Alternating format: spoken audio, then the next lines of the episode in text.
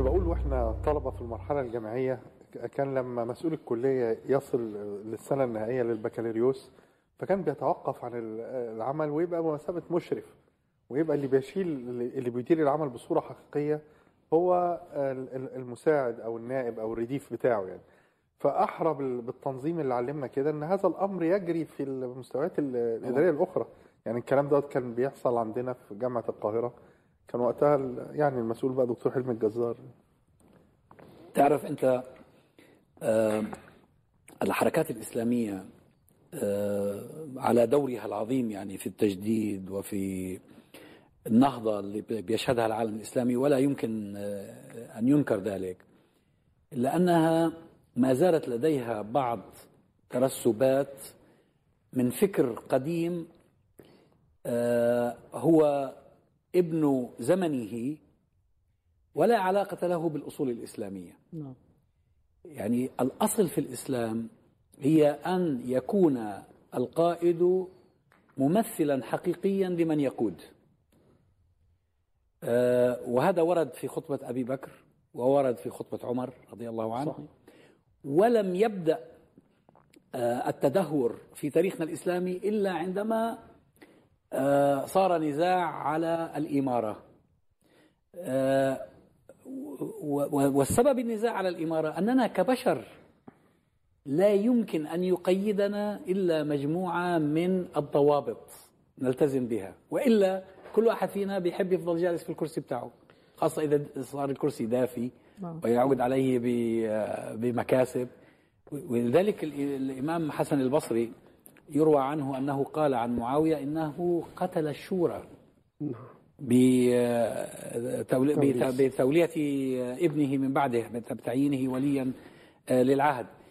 هذا الفكر الفكر الأصيل الذي يتعلق بشورية الإدارة في الإسلام هو أضعف حلقة عند التنظيمات الإسلامية. ربما الأسباب السياسية تكون سبب ربما يعني الأوضاع اللي مروا فيها ربما وابناء مجتمعاتهم برضو اللي نشأوا فيها. والمجتمعات لكن حقيقة كان لابد أن يحصل إبداع في هذا المجال لأنه ما فيش نهضة حقيقية إلا إذا تحرر الناس من عقدة القائد الملهم. لأنه ما فيش ما فيش حاجة اسمها قائد ملهم على مدى الدهر. لما بيكبر الواحد بالسن بيعجز بيصير يخرف بيصير ينسى بيصير ي...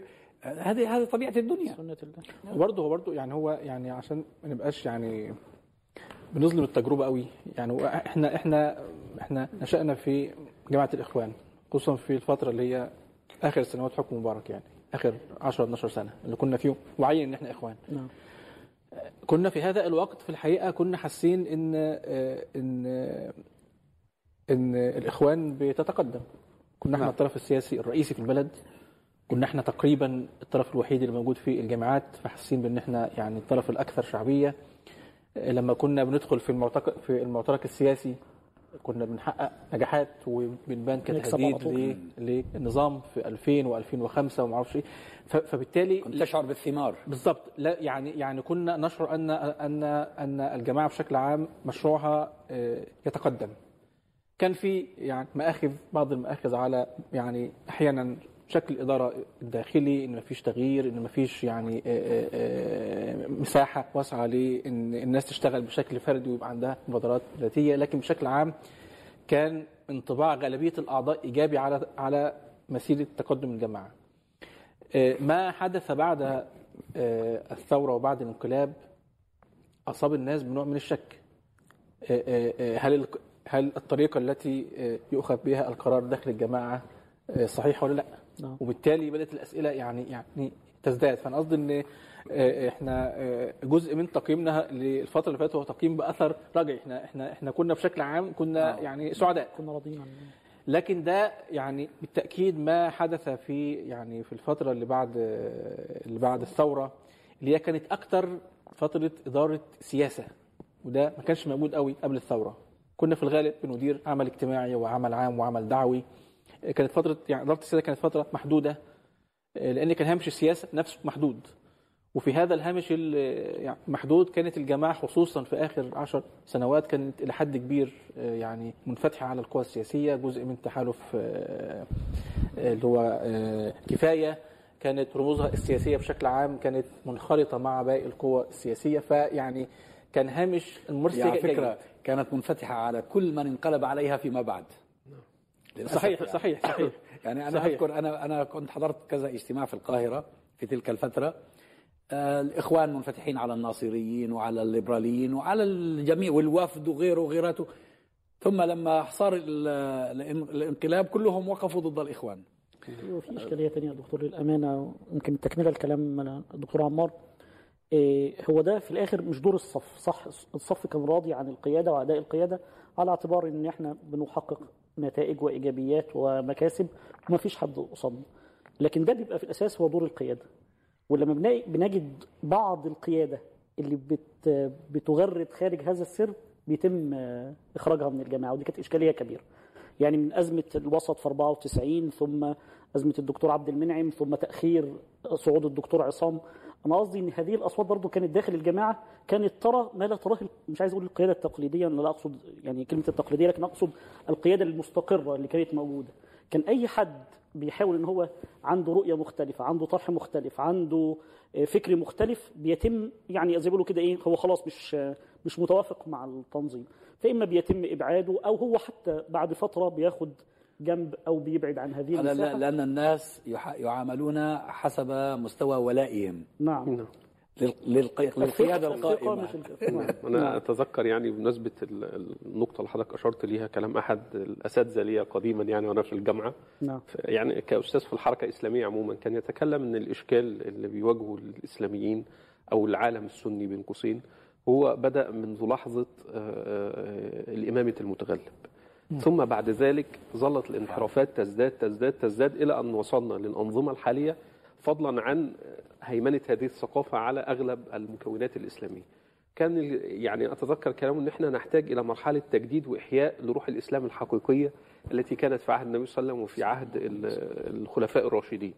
وإحنا لما بننظر للمشهد العالمي حقيقه إحنا بنتكلم في المشهد المصري والتغيير والقوى الإسلامية لا إحنا الساحة العالمية كلها تشهد إشكال. في آه، يعني آه، آه، تردي في الجانب الأخلاقي والجانب السياسي والجانب جوانب متنوعة والمكون الإسلامي يحمل قيم آه، رصينة ولكن في حالة نضوب موجودة في عملية التجديد والطرح الفكري. حتى إحنا في المشهد المصري كان قديما موجود الأستاذ حسن البنا بعديه الشيخ محمد الغزالي سيد قطب. في بقى لنا 40 سنة تقريبا لا يوجد مفكر أو منظر اللي إحنا هنقول ده إحنا ننتظر كتابه ننتظر رؤيته ننتظر الطرح الفكري اللي بيقوله.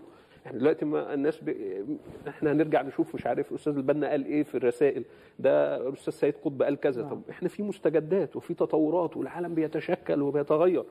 أين المواجبه والتجديد والطرح الفكري؟ فظني إن إحنا محتاجين في العالم السني لإعادة يعني لعملية إحياء وتجديد. للنهوض بالعالم ال- الإسلامي مجددا. الحركات الإسلامية هي جزء من هذه المجتمعات. إحنا دلوقتي آه، هناك غياب لمشروع آه، يعني مع غياب مع سقوط آخر دولة اللي هي الدولة العثمانية. هناك حالة تفتت وتشظي للأمة واستباحة لها آه، وصولا لما شاهدناه مؤخرا في الأقصى من إقامة شعائر يعني تلمودية وغيرها وغيرها. طب إحنا يعني إلى متى؟ لا إحنا محتاجين يعني نظر في الأسس ال- ال- أو في الموروثات الدخيلة على الطرح الإسلامي الصافي لإعادة إحياء الأمة وتفعيل دور الفرد، أنا لا أظن إن الفرد مسلم بيتسم بالفعلية يرتبط قلبه بالآخرة والتجرد والزهد وعنده الفعلية ولا يخشى أحد إلا الله. هيقبل إن هو يعمل في إطار تنظيمي في في استبداد وفي تهميش. هو أصلا هو فاعل. ومطور ومقدام ويعني ويقتحم. هو ده في جيل الصحابة خلاهم فتحوا العالم في 15 20 سنة. روح وثابة. وليست روح منطوية على الداخل عندها التبعية وعندها كذا. فهو ده اللي إحنا محتاجين هذا هو الإحياء ت- تنقية الفكر اللي يعمل تفعيل السياسي. الشخصية المسلمة. تنقية الفكر السياسي الإسلامي مما علق به من شوائب. آه، الخطوة الأولى فيه هو أن ندرس الأفكار في سياقها الزمني. نعم.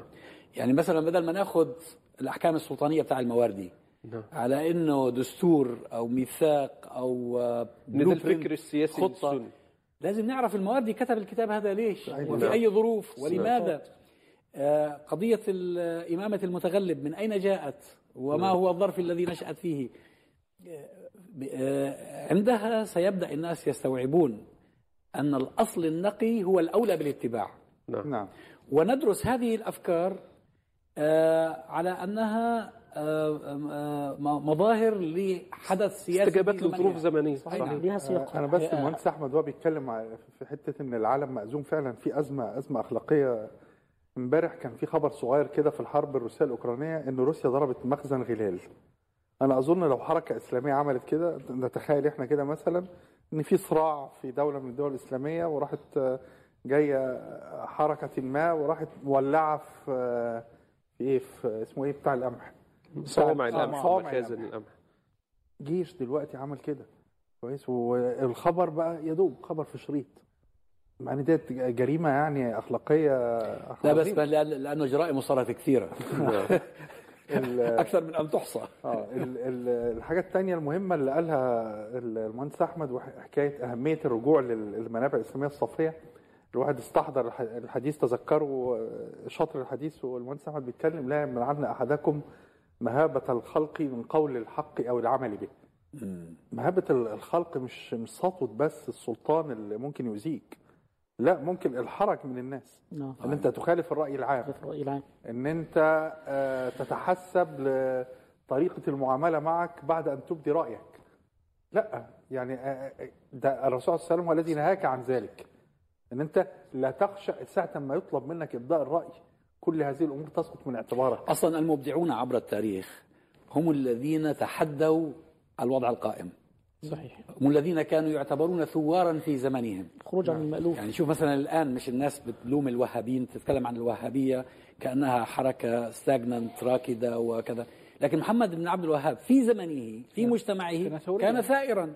وخالفه حكام ذلك الزمن آه، وطردوه حتى من من بلدته. ابن تيمية في زمنه كان ثائرا. والمجددون آه، ومعظمهم زي اللي ذكرهم آه، أبو الحسن الندوي في في في كتابه عن الإصلاح والتجديد والإحياء. كل منهم في زمنه كان ثائرا. فالذي يخشى من ان يخشى الناس آه، أو يخشى ماذا سيقال آه، عنه لن يكون مجددا ولن يكون مبدعا. الحقيقة كلام مهندس أحمد مهم عن عن عن دور الفرد وإن ال- وإن الحركة الإسلامية إذا كانت تبحث بالفعل على استعادة يعني ألقها وعلى استعادة تأثيرها في الأمة مجددا آه، يجب أن تنظر إلى الفرد ويعني وليس إلى آه، البنية التنظيمية، البنية التنظيمية بالغة الأهمية ويعني ويعني هي آه، عمود فقري ل آه، ل آه، للأمة كلها في مواجهة مركزية الدولة لأن ما عندناش حاجة تانية منظمة تواجه الدولة غير يعني بنية الحركة الإسلامية. لكن الفرد نفسه الفرد نفسه يجب أن يكون له اعتباره يجب أن يفتح له المجال كي يبادر وكي يكون عنده يعني فعل مستقل. والحقيقة آه، حسن البنا لما لما لما أسس الجماعة أسسها على هذه النوعية من الأفراد. ويعني ما كانش بياخد وقت في مناهج تربوية وما أعرفش إيه. كان بينزل المكان القرية يعني يعمل نعم. مؤتمر وبعدين مثلا يشوف عمار ده يعني حس إنه اقتنع بأفكار الإخوان فيكلفه بافتتاح شعبة. وبعد سنة ولا حاجة يبقى هذا يعني هذا الشخص يعني يروح يقول إحنا فتحنا شعبة بقى عندنا كذا. فالناس دول هو لما أم- لما الجماعة عصف بيها هم اللي سافروا بعد كده. ويعني كل واحد يعني آه، واصل النشاط يعني في الأول بشكل فردي وب- وب- وبدافع ذاتي. لكن إحنا دلوقتي خرجنا وإحنا ما زلنا يعني كتنظيم مع بعض ومع ذلك الدافعي عندنا ما زالت محل آه، مراجعة. نتيجة إن إحنا تعودنا دائما إن التنظيم هو اللي بيقود الحركة هو اللي هو اللي بيوجه الأفراد. مهما كان الفرد متميز ومهما كان عنده خبرة وعنده مهارات كان دايما منتظر إن التنظيم هو اللي يقول له هنعمل كذا. لا المفروض دلوقتي خصوصا في في الخارج اللي فيه مجال واسع للحركة ولاكتساب الخبرات ولتقديم مبادرات يجب أن تبقى الثقافة الداخلية لل- للحركة الإسلامية مبنية على أساس إعطاء هامش واسع للفرد إنه يتحرك بشكل مستقل.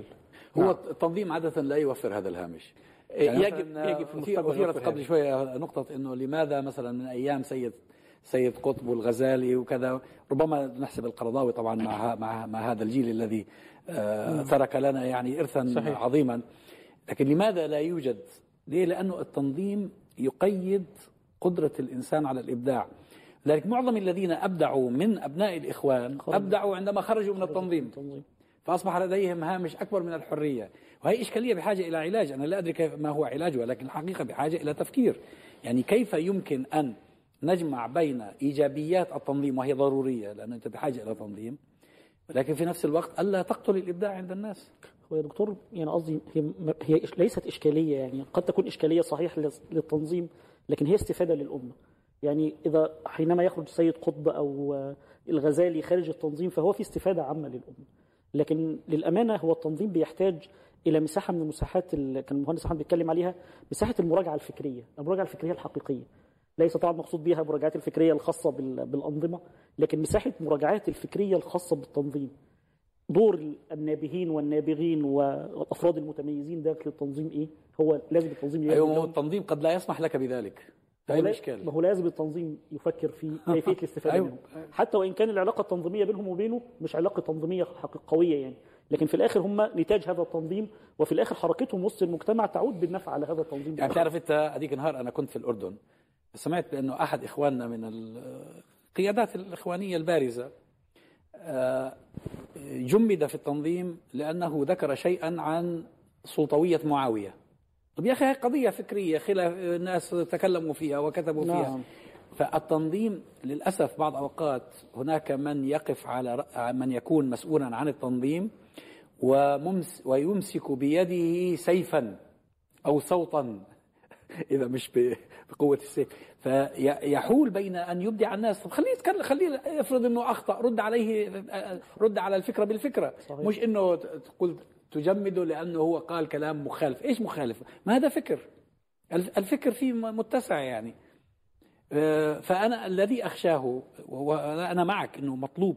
نعم. عملية آه، مراجعة عملية آه، تقييم. انفتاح أكثر لكن كيف يمكن أن نطور التنظيم بحيث لا يقف حجر عثره في طريق ذلك؟ هذا التحدي. لا يعني خلينا بس نقول لحضرتك إن كل ميسر لما خلق له. ال- ال- المفكر مهمته إن هو يبقى مفكر. مش شرط يبقى مسؤول إداري ودي يبقى يخرج بره التنظيم؟ آه مش مشكلة. كويس. إنما الجريمة هو بيرتكبها إمتى؟ لما هو يبقى مفكر ويقتل إمكاناته وملكاته في إن هو يستهلكها في معارك تنظيمية.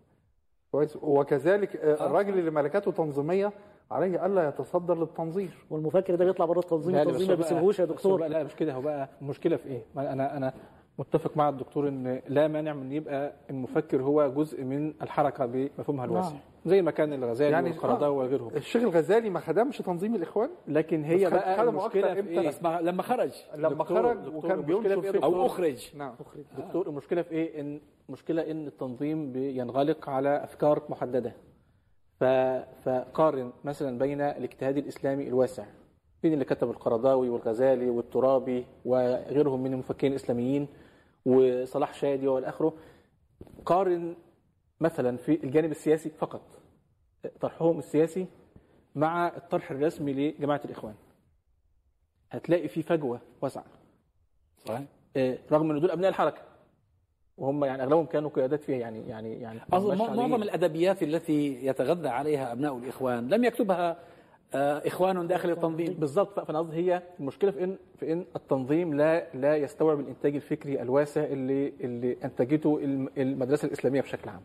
أنا لما جيت أشتغل في الرسالة على تصور الإخوان للدوله الإسلامية آه، يعني وجدتني محصور في آه، في حسن البنا لأن هو اللي يعبر عن الموقف الرسمي للإخوان. حتى الآن. طبعا في تطورات في وثائق في التسعينات عن التعدديه وما إلى ذلك وفي برنامج الحزب لكن لم أجد نفسي قادر على الرجوع إلى القرضاوي أو الترابي أو أو يعني صلاح شادي لأن ده يعني هو فكر أفراد من الإخوان لكن لا مكان له في الموقف السياسي الرسمي لجماعة الإخوان.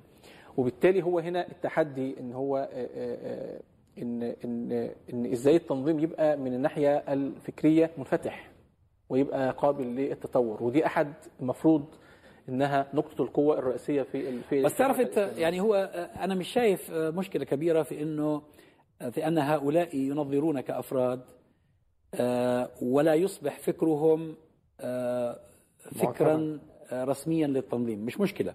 بس المهم إنه التنظيم لا يحجر على أفراده. في أن يوسعوا من مداركهم ومن هامش تفكيرهم. هرجع دلوقتي أقول الكلام اللي قاله المهندس أحمد. ال- البيئة اللي إحنا- والمجتمعات اللي إحنا عايشين فيها ما عادتش تسمح لحد بأن هو ينجح في ذلك حتى لو حاول.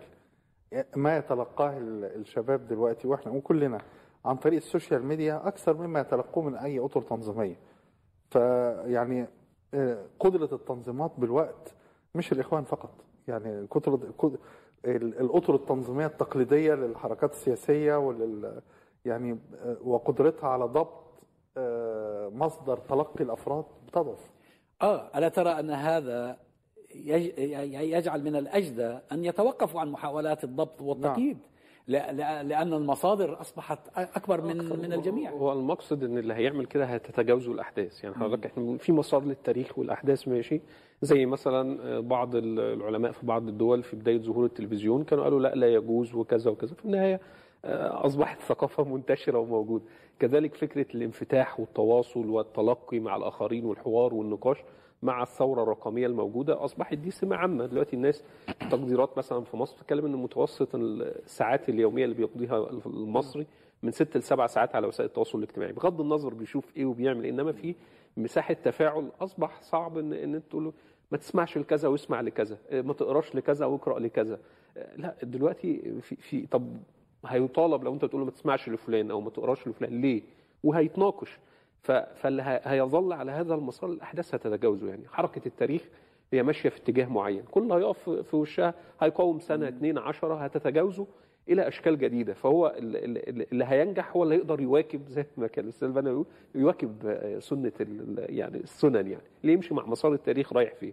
ففكرة التضييق وقتل الطاقات وكذا هي هي شايف إن هي يعني ستتجاوزها الأحداث. كان في يعني قصة كانت معبرة حاجة جانبية كنت سمعتها لأحد المنظرين كان يتكلم عن الحالة الأفغانية في وقت السوفييت ويقارن بينها من العالم الغربي.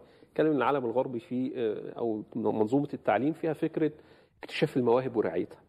بحيث إن دايما يبقى عنده كوادر جديدة مواهب في في التعليم في في الجانب التكنولوجيا في الجانب الذهني الرياضي كذا. عندهم هذا هذا النمط موجود. شوف الولد موهوب في إيه ويعلمه ويطوره. بيقول كان في الحالة الأفغانية في روسيا أحد القيادات لن أذكر اسمه يعني كان دايما لو عنده مواهب يدخلهم المعارك المميتة بحيث يقتلوا فيها وإيه ويخلص منهم ما يمثلوش بالنسبة له خطر إيه مستقبلي على التنظيم فهو كان يعني يتكلم عن قياده تاريخية شهير هنا هنا دي عقلية. هي عقلية يعني إحنا بين عقلية بتبقى عايزة تشوف مين المتميز وتشوف ده في خطر مستقبلي فتحاول تهمشه أو تحاول تتخلص منه.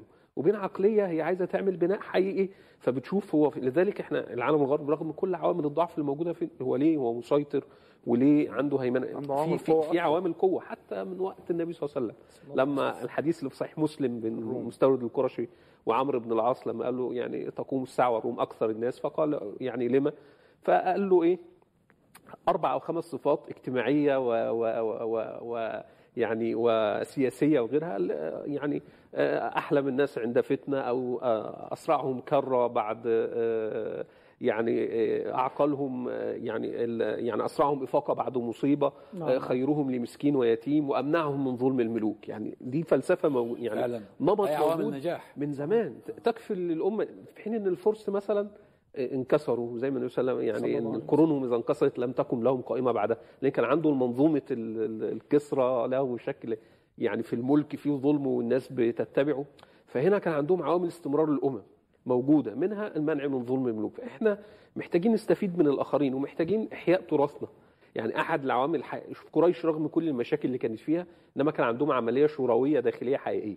مش هنلاقي إن فيهم واحد في مواجهة النبي صلى الله عليه وسلم كان بيستبد. عندهم دار الندوة وتعالوا واقعدوا ونسمع ونتناقش وأفضل رأي نعمله. فلذلك لما دخلوا الإسلام عملوا طفرة زي ما النبي صلى الله عليه وسلم قال يعني أو يعني ينسب لعمر بن الخطاب خيارهم في الجاهلية خيارهم في الإسلام إذا فقهوا. فكان عندهم هذه العملية الشورويه إنه يتداول الرأي وكل واحد يقول رأيه ومفيش حد يعني يقمع حد وبناء عليه يشوفوا ما يتفقوا عليه. إحنا محتاجين هذه العملية الشورويه الحقيقية. وبناء ثقافة الانفتاح ومسيرة الخط العام لحركة التاريخ. اللي هيعمل ده هينهض بتنظيماته وهينهض بأمته ويقدر يقدم نموذج يكون ملهم. بدل ما إحنا عندنا نموذج بوتين ونموذج بايدن ونموذج الاحتلال الصهيوني ونموذج مش عارف مجازر فين ونموذج أخلاقي متردي يعني تفكك الأسرة. وإحنا عندنا نموذج يعني هو يعني يلبي فطرة الإنسان. لكن محتاجين نعود للأصول ونعملها عملية إحياء هننهض بقومتنا يعني والحقيقة إن الحركة الإسلامية تحديدا هي عندها الفرصة دي لانها نعم. زي ما الدكتور بشير نافع بيقول إنها لما نشأت لم تنشأ من بلو برنت مفيش مفيش خطة نهائية واضحة هي مفتوحة على تطورات الواقع ب- يعني ب ب يعني بتتطور وبتتعامل بإيجابية مع التغيرات والاجتهاد. بالظبط في اجتهاد عشان كده توأمت مع ظروف كتيرة جغرافية وسياسية داخل مصر وخارج مصر واشتغلت في أوروبا واشتغلت في دول آسيا و... فبالتالي هو دي طبيعة مشروع الحركة الإسلامية أنه قابل. للتطور وبالتالي دور القيادة حاليا ودور أفراد الإخوان وأفراد الحركة الإسلامية بشكل عام هو الحفاظ على هذا النوع من التجديد الحفاظ على هذا النوع من الاجتهاد عدم عدم الوقوف على نمط واحد سواء نمط تنظيمي واحد أو نمط فكري واحد وبالتالي يعني يعني ده هو اللي هيفتح الباب بشكل حقيقي للاستجابه للتغير الهائل اللي حصل في آه، المنطقة وفي وعي الناس وفي طبيعة الأجيال اللي كان محمد آه، اتكلم آه، عليها وطبيعة ثقافتها. وبالتالي طبيعة الخطاب اللي يجب الحركة الإسلامية تقدمه في يعني ظل الظرف الراهن ده, ده هيحتاج زي ما بيقولوا كده لعب في السيتنج بتاعت ال- العقل